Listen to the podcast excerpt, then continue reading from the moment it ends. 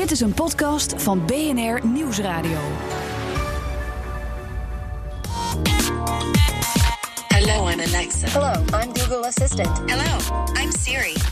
This is This is, this is VoiceCast. VoiceCast. Hi, and welcome to the 14th episode of the VoiceCast. This is where we talk all things voice and invite experts to share their knowledge.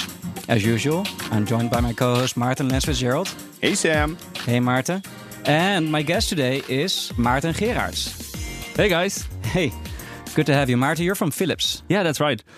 What do you do there? So I'm a global product manager for digital health and wellness platforms. And in the past, we've been exploring the addition of voice assistants. And I'm happy to talk about what we guys did and share our knowledge. Yeah, we met you like a few weeks ago during uh, the Open Voice event where you talked about what we're going to talk about in a bit. So I'm looking forward to this show.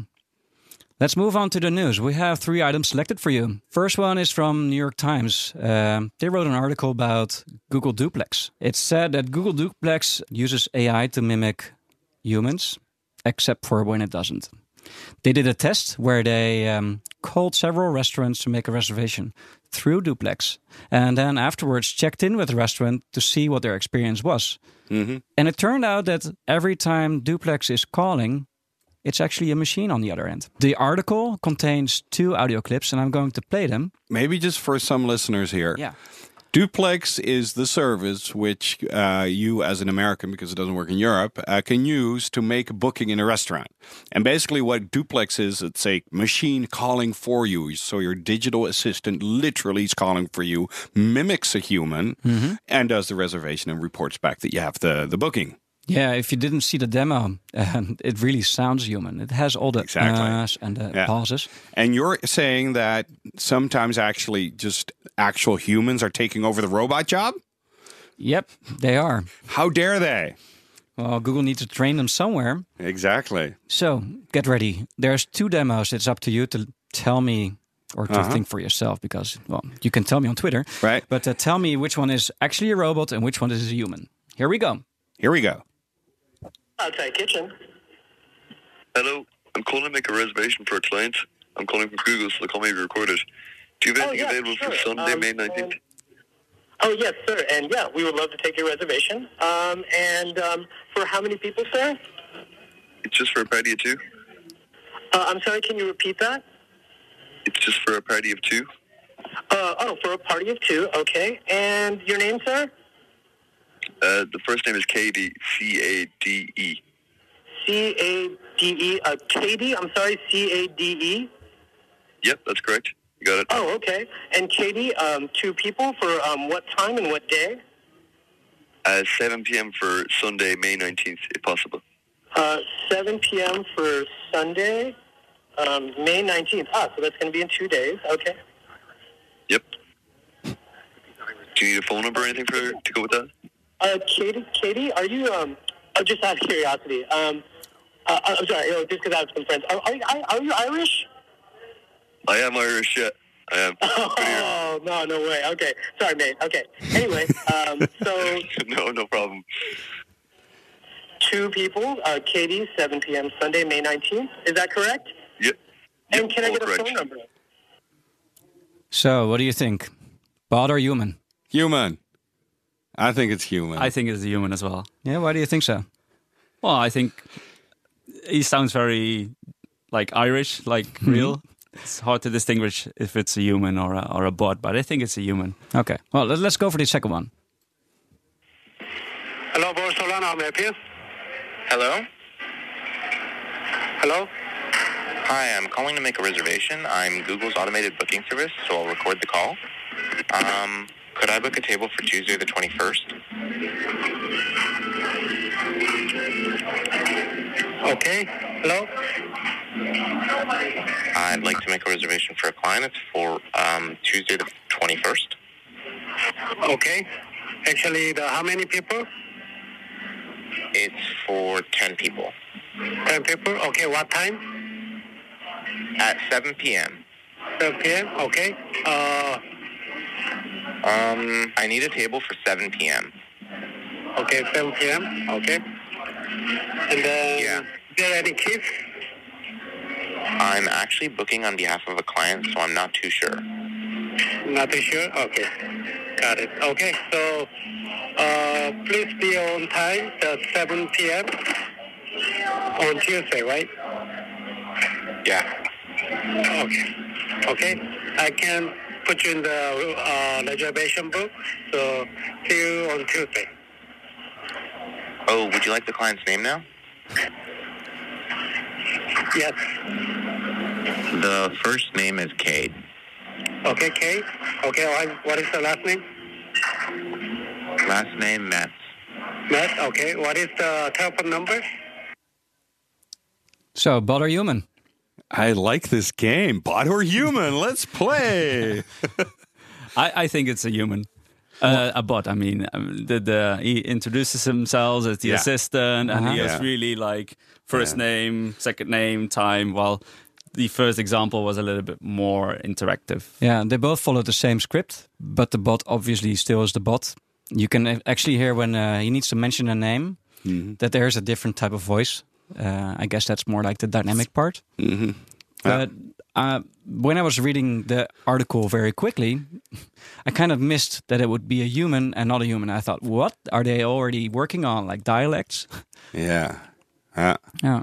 to me, it sounds like what uh, Amy, the personal assistant in your email, for uh, did for a long time. They've been out for like six years. X.ai, and they instead of having your personal assistant, you just CC Amy when we, for instance, do an, uh, an appointment, and, and we just refer like, okay, and Amy will sort out the re- appointment with you.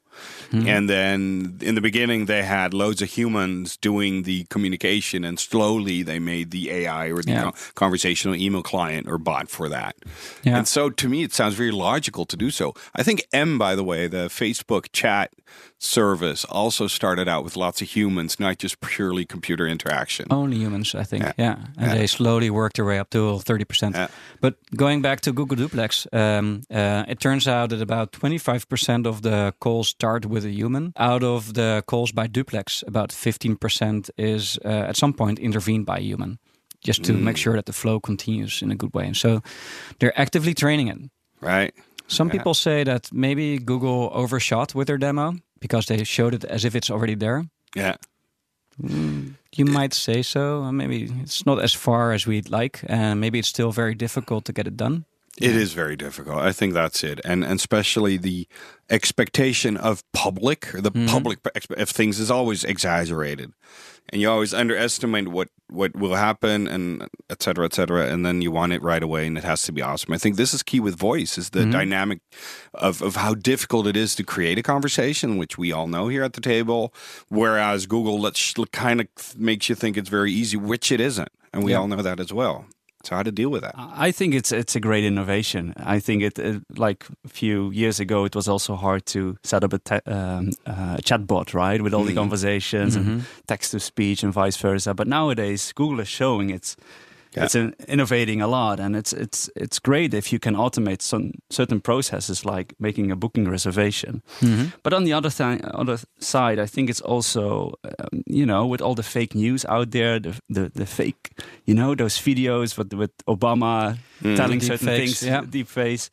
Yeah. It's it's really also you know we're going into a domain that you can also question certain um, No. uh, realness of certain stories Yeah. of or certain But then again, it's it's like is the painting real? But wasn't the whole story fake? You know, the last hundred years anyway. Yep, But then again, like, I'm going into the conspiracy uh, tinfoil hat world now. that's another podcast. But still, I think it's very important discussion. But the scary thing is, there's so many things wrong already with Yeah. lots of stories, and now be, just because we think it's a robot, it's not right. we need to acquire a new skill and just start to uh, be able to detect when it's right. synthetic or real. Yeah. Yeah. So talking about innovations and awesome stuff. When you say Google, there needs to be something about Amazon as well. hmm And Amazon is set to work on like a wearable device, which will be able to detect emotions from uh, the human wearer. hmm Um, it's designed to work with a smartphone app, uh, and it contains microphones to discern the emotional state of the wearer from the sound of the voice. Um, and eventually, the technology should be able to um, advise the wearer on how to interact more effectively with others according to their internal documents. I think it's Bloomberg this time. How does it feel to have a bracelet from Amazon that will understand your emotional state and then start to help you interact better with others or maybe help you get the right products or Well, I think first off, that help part is all assumption. This is not hard information. This is rumor and Yes. speculation. Yep. So I personally do not like articles anymore that have may or should or things like that. On the other hand, we also saw the the emotional demos or the emotional uh, voice interface demos at CES with Nuance uh, this year, uh, having interesting discussions or thought experiments like like what if your car could discern that you're happy? How would it change it with driving behavior? Or when you're unhappy, of course, what will it do then? I think that's very interesting. So I think factually, I don't know. I mean, this is lots of speculation. On the other hand, I do know also that the voice, in, uh, you don't need a bracelet for that. The voice emits so much emotion already that the computer will know how I'm feeling and how what my profile is. We discussed this earlier. A Crystal Knows like application for voice is so logical. And therefore, I think they already have this. And they it's just a matter of smartly starting it or not. And and yeah it's like it's like facebook uh, doing a voice assistant yes or no. At some point they will anyway. Well, they actually said that they are actually working on it. so- exactly. Yeah. Um, And, and I also think there, there, it's not new, right? There are probably a lot of other ways to detect emotions, like like searching certain playlists on, on Spotify, searching so, uh, certain items on the internet, like like uh, kitten movies if you want to relax down a bit. Yeah. Uh, I think it's it's just a, an additional way to extract emotions, and I think if we can also use it in our favor, for instance, having certain illness being detected or depression, and then proactively reach out to those people who are suffering, that would be a great way to use this as a benefit for, for healthcare purposes. yeah I couldn't help personally to read every time I uh, read a wearable device, Apple Watch, because it contains the microphones, it can listen to the voice, and then what happens after the voice is being heard and streamed to the servers. Um, I'm not sure if Apple is the com- the type of company that that would do this, but I'm pretty sure that Amazon might do something like that. Then you have the voice, and you can do all the kind of magic you'd like. Yeah, like like seeing how your heart rate is doing and Yeah. how nervous you are right now So- oh wait they already do that Yeah, it's it's already there. It's but it's all signals to help Amazon to well make a better user experience in finding the right products or maybe helping you to uh, lead a better life, as they would bring it probably um, by taking your meds in time. Yeah, yeah. It's. I mean, it comes down to what's the base intent of the company. I always say that Amazon is a greengrocer, and would you tell and share everything with the greengrocer? Maybe just that tomorrow you will have a fry it with tomatoes. I don't know if you can, but uh, yes, that you want to share. But do you want to share your emotional state? I don't know. But should you with Google? Should you with Apple? That's a great question. Well, Google. Uh, talking about Google, let's move on to the third uh, item. Uh, Google is, I think, by in the US, Google is um, the smaller of the two uh, behemoths, uh, dominating the market uh, for smart for smart speakers. Uh, Amazon obviously is the biggest, uh, and Google is doing things to well close the gap. They're growing fast, uh, but they did a quite remarkable thing uh, by giving everybody at an NBA playoff game a Google Home Mini. Mhm.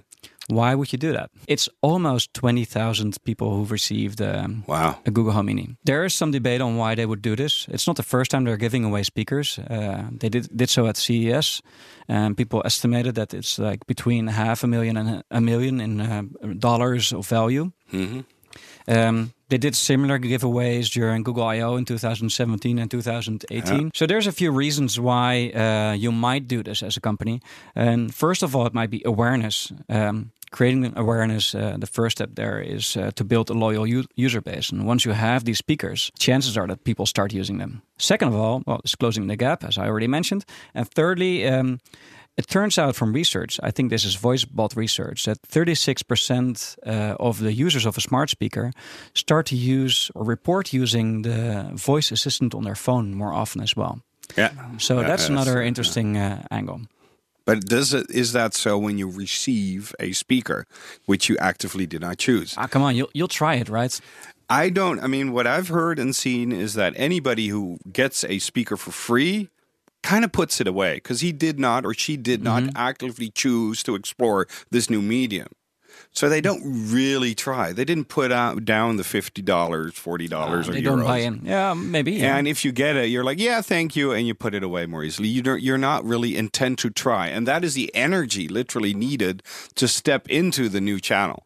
Mm-hmm. And if you if you receive it, you don't, you don't really uh, you don't have that good of a return rate. I would think maybe enough for Google. I mean, hey, instead of eighty percent, they get thirty percent uh, ROI of usage on that twenty k. But still, That's also part of Google's DNA, right? They give something for free, but there's always a catch. You know, of course, yeah. We're not Yeah. philanthropical. Um, no, yeah. Well, let's see. Uh, let's see if we all start see, to see more of these um, these actions. I think it'll work in. Holland because people like free stuff. But then again, where don't they? Yeah. well, that's enough for the news. Let's move on to our guest, Maarten. Tell us a bit more about Voice and Philips. Yeah, well, uh, first of all, I'm delighted to be here. I mean, we met during Open Voice in, in the context of healthcare, and I was so delighted to to share our, our stories, what we did within Philips. Um, so, actually, it goes back a few years ago that at CES and IFA in 2016 and 2017, Amazon Alexa was booming. There were a lot of devices. I believe there were announced that over 100 devices had Amazon Alexa embedded uh, including a refrigerator. You you could Yes, instantly yeah, order your milk, etc. So that was that part of the of the curve with with voice assistants. And as of Philips, we believe there is always a, a lave to make to make life better.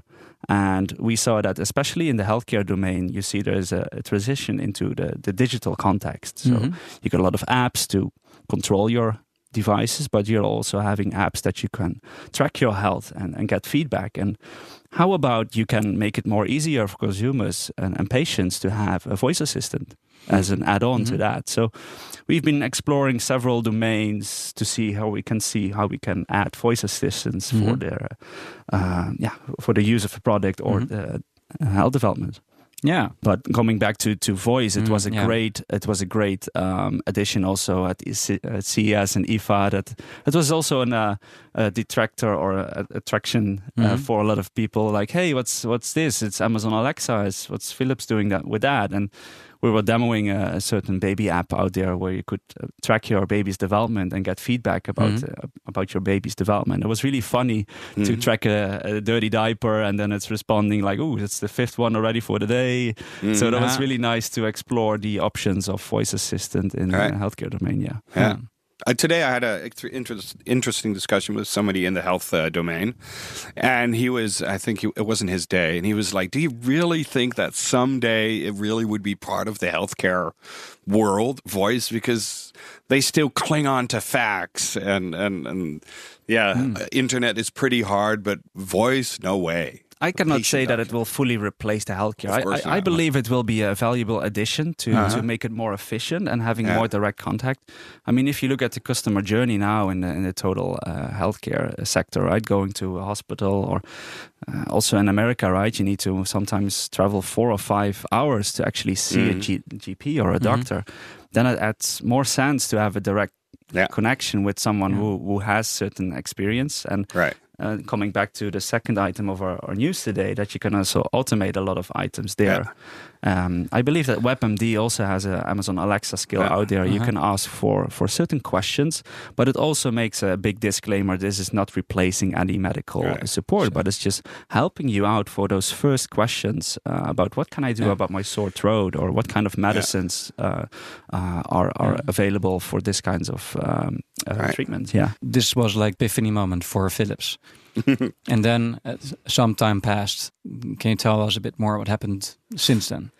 Yeah, so so going back to 2016, 2017, uh, like I said, it was just on the, on the curve of the voice adoption, and and in the meantime, we've been exploring several domains where we can where we can see where, where voice can add value to users. So we we we did all kinds of internal trials with, with consumers, with markets, um, uh, in different domains.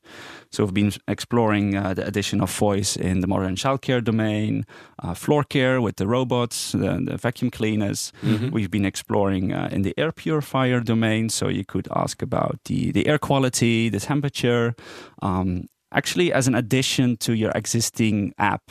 Right. Uh, so you can actually, in the context of the user, it makes more sense to directly start the device to clean your floor or to ask what's the temperature Mhm. than searching for your phone, opening the app, browsing to the exact section in the app Yeah. to Yeah. find that information. And also for the modern childcare domain, right? So you're you're having your hands full with a little one, uh, Yeah. changing the diaper or doing a breastfeeding session.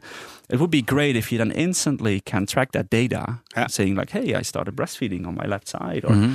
or when was the last feeding? As a as a new parent, you get a lot of questions and and My about wife's your baby. asleep and yeah, and it automatically crying. keeps What track of the feeding. it's it's a, it's a great addition. Yeah. Yeah, I remember uh, becoming a father and uh, having this exchange with my wife, where she we would try to remember together which which side was last, and uh, I can imagine that Alexa being there or any other assistant trying to help out. Yeah, it's you, uh, you should do twins. It's easier. oh yeah. But then you, It worked out. you have really twins, good You have twins, right? Yeah. Yes.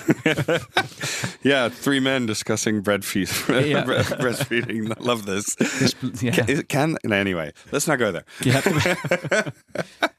What did you learn? there were three um, things I, I learned the cou- last couple of years uh, with our with our teams is that um, again we, we started three years ago and this was actually already in a in a domain that only the US it was a lot of uh, users using this service That's where the traction was. yeah. um, And the we- language. Yeah, exactly. Um, but we also had certain, you know, apps using medical platforms or having medical data. Uh, how are you able to process that with a third-party supplier like Amazon?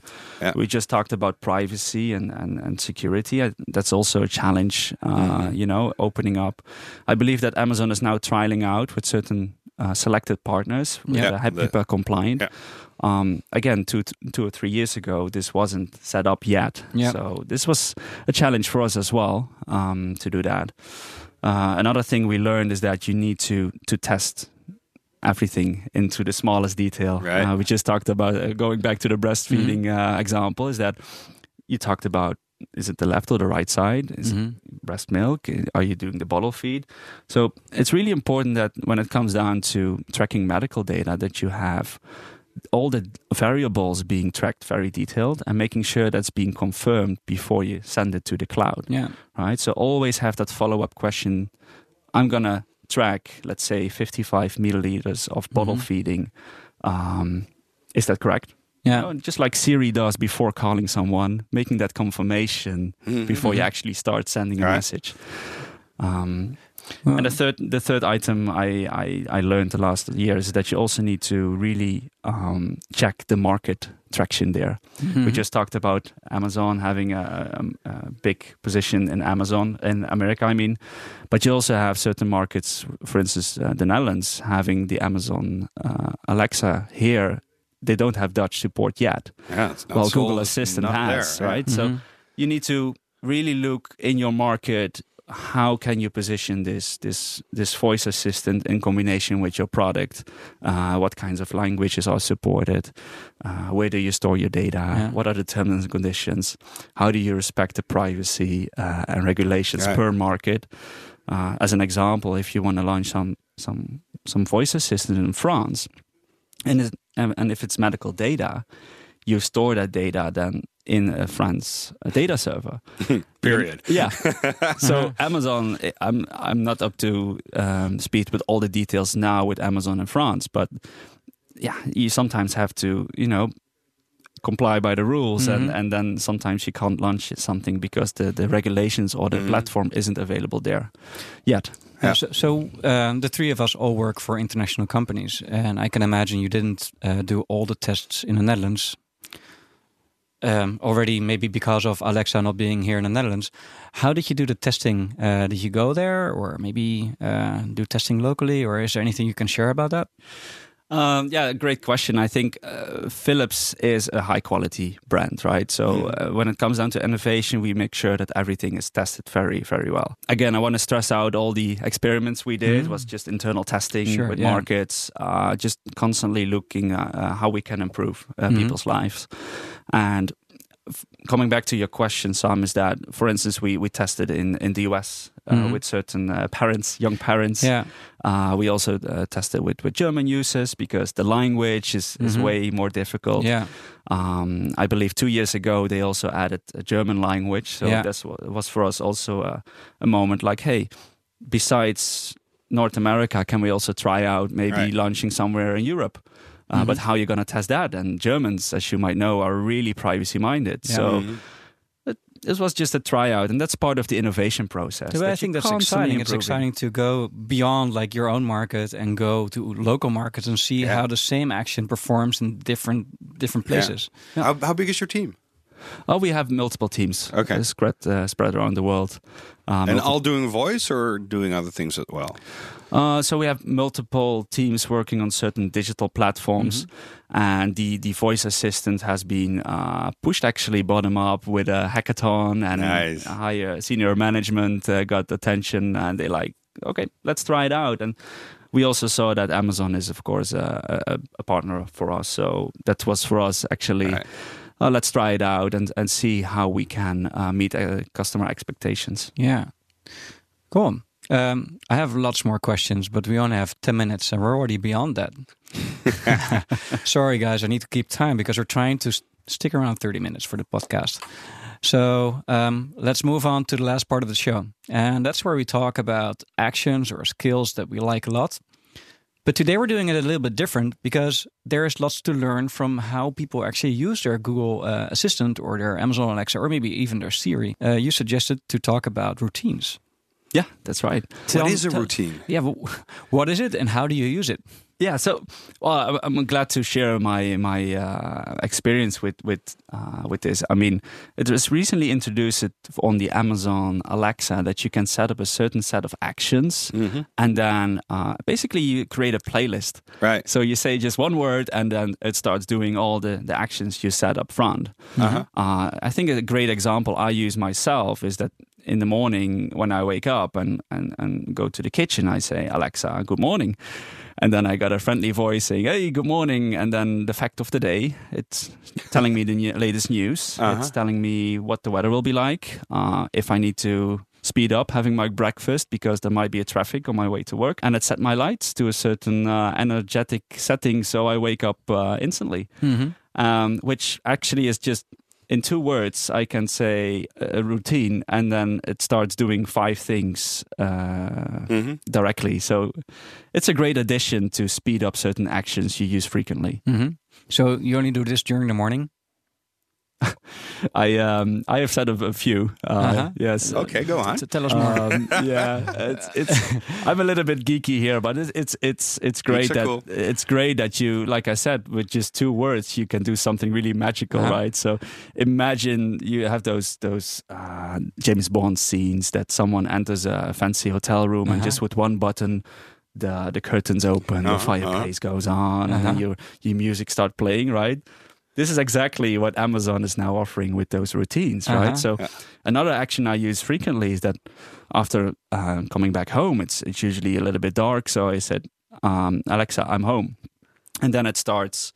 Uh, my my my jazz music playlist on Spotify. It, it sets my my lights to a certain uh, relaxing uh, scene. It it starts um, showing me some latest news I might overlooked during the day, and I recently also discovered that my television also has uh, an Amazon Alexa skill and, and a voice assistant. I, I didn't try it out yet in detail, Mm-hmm.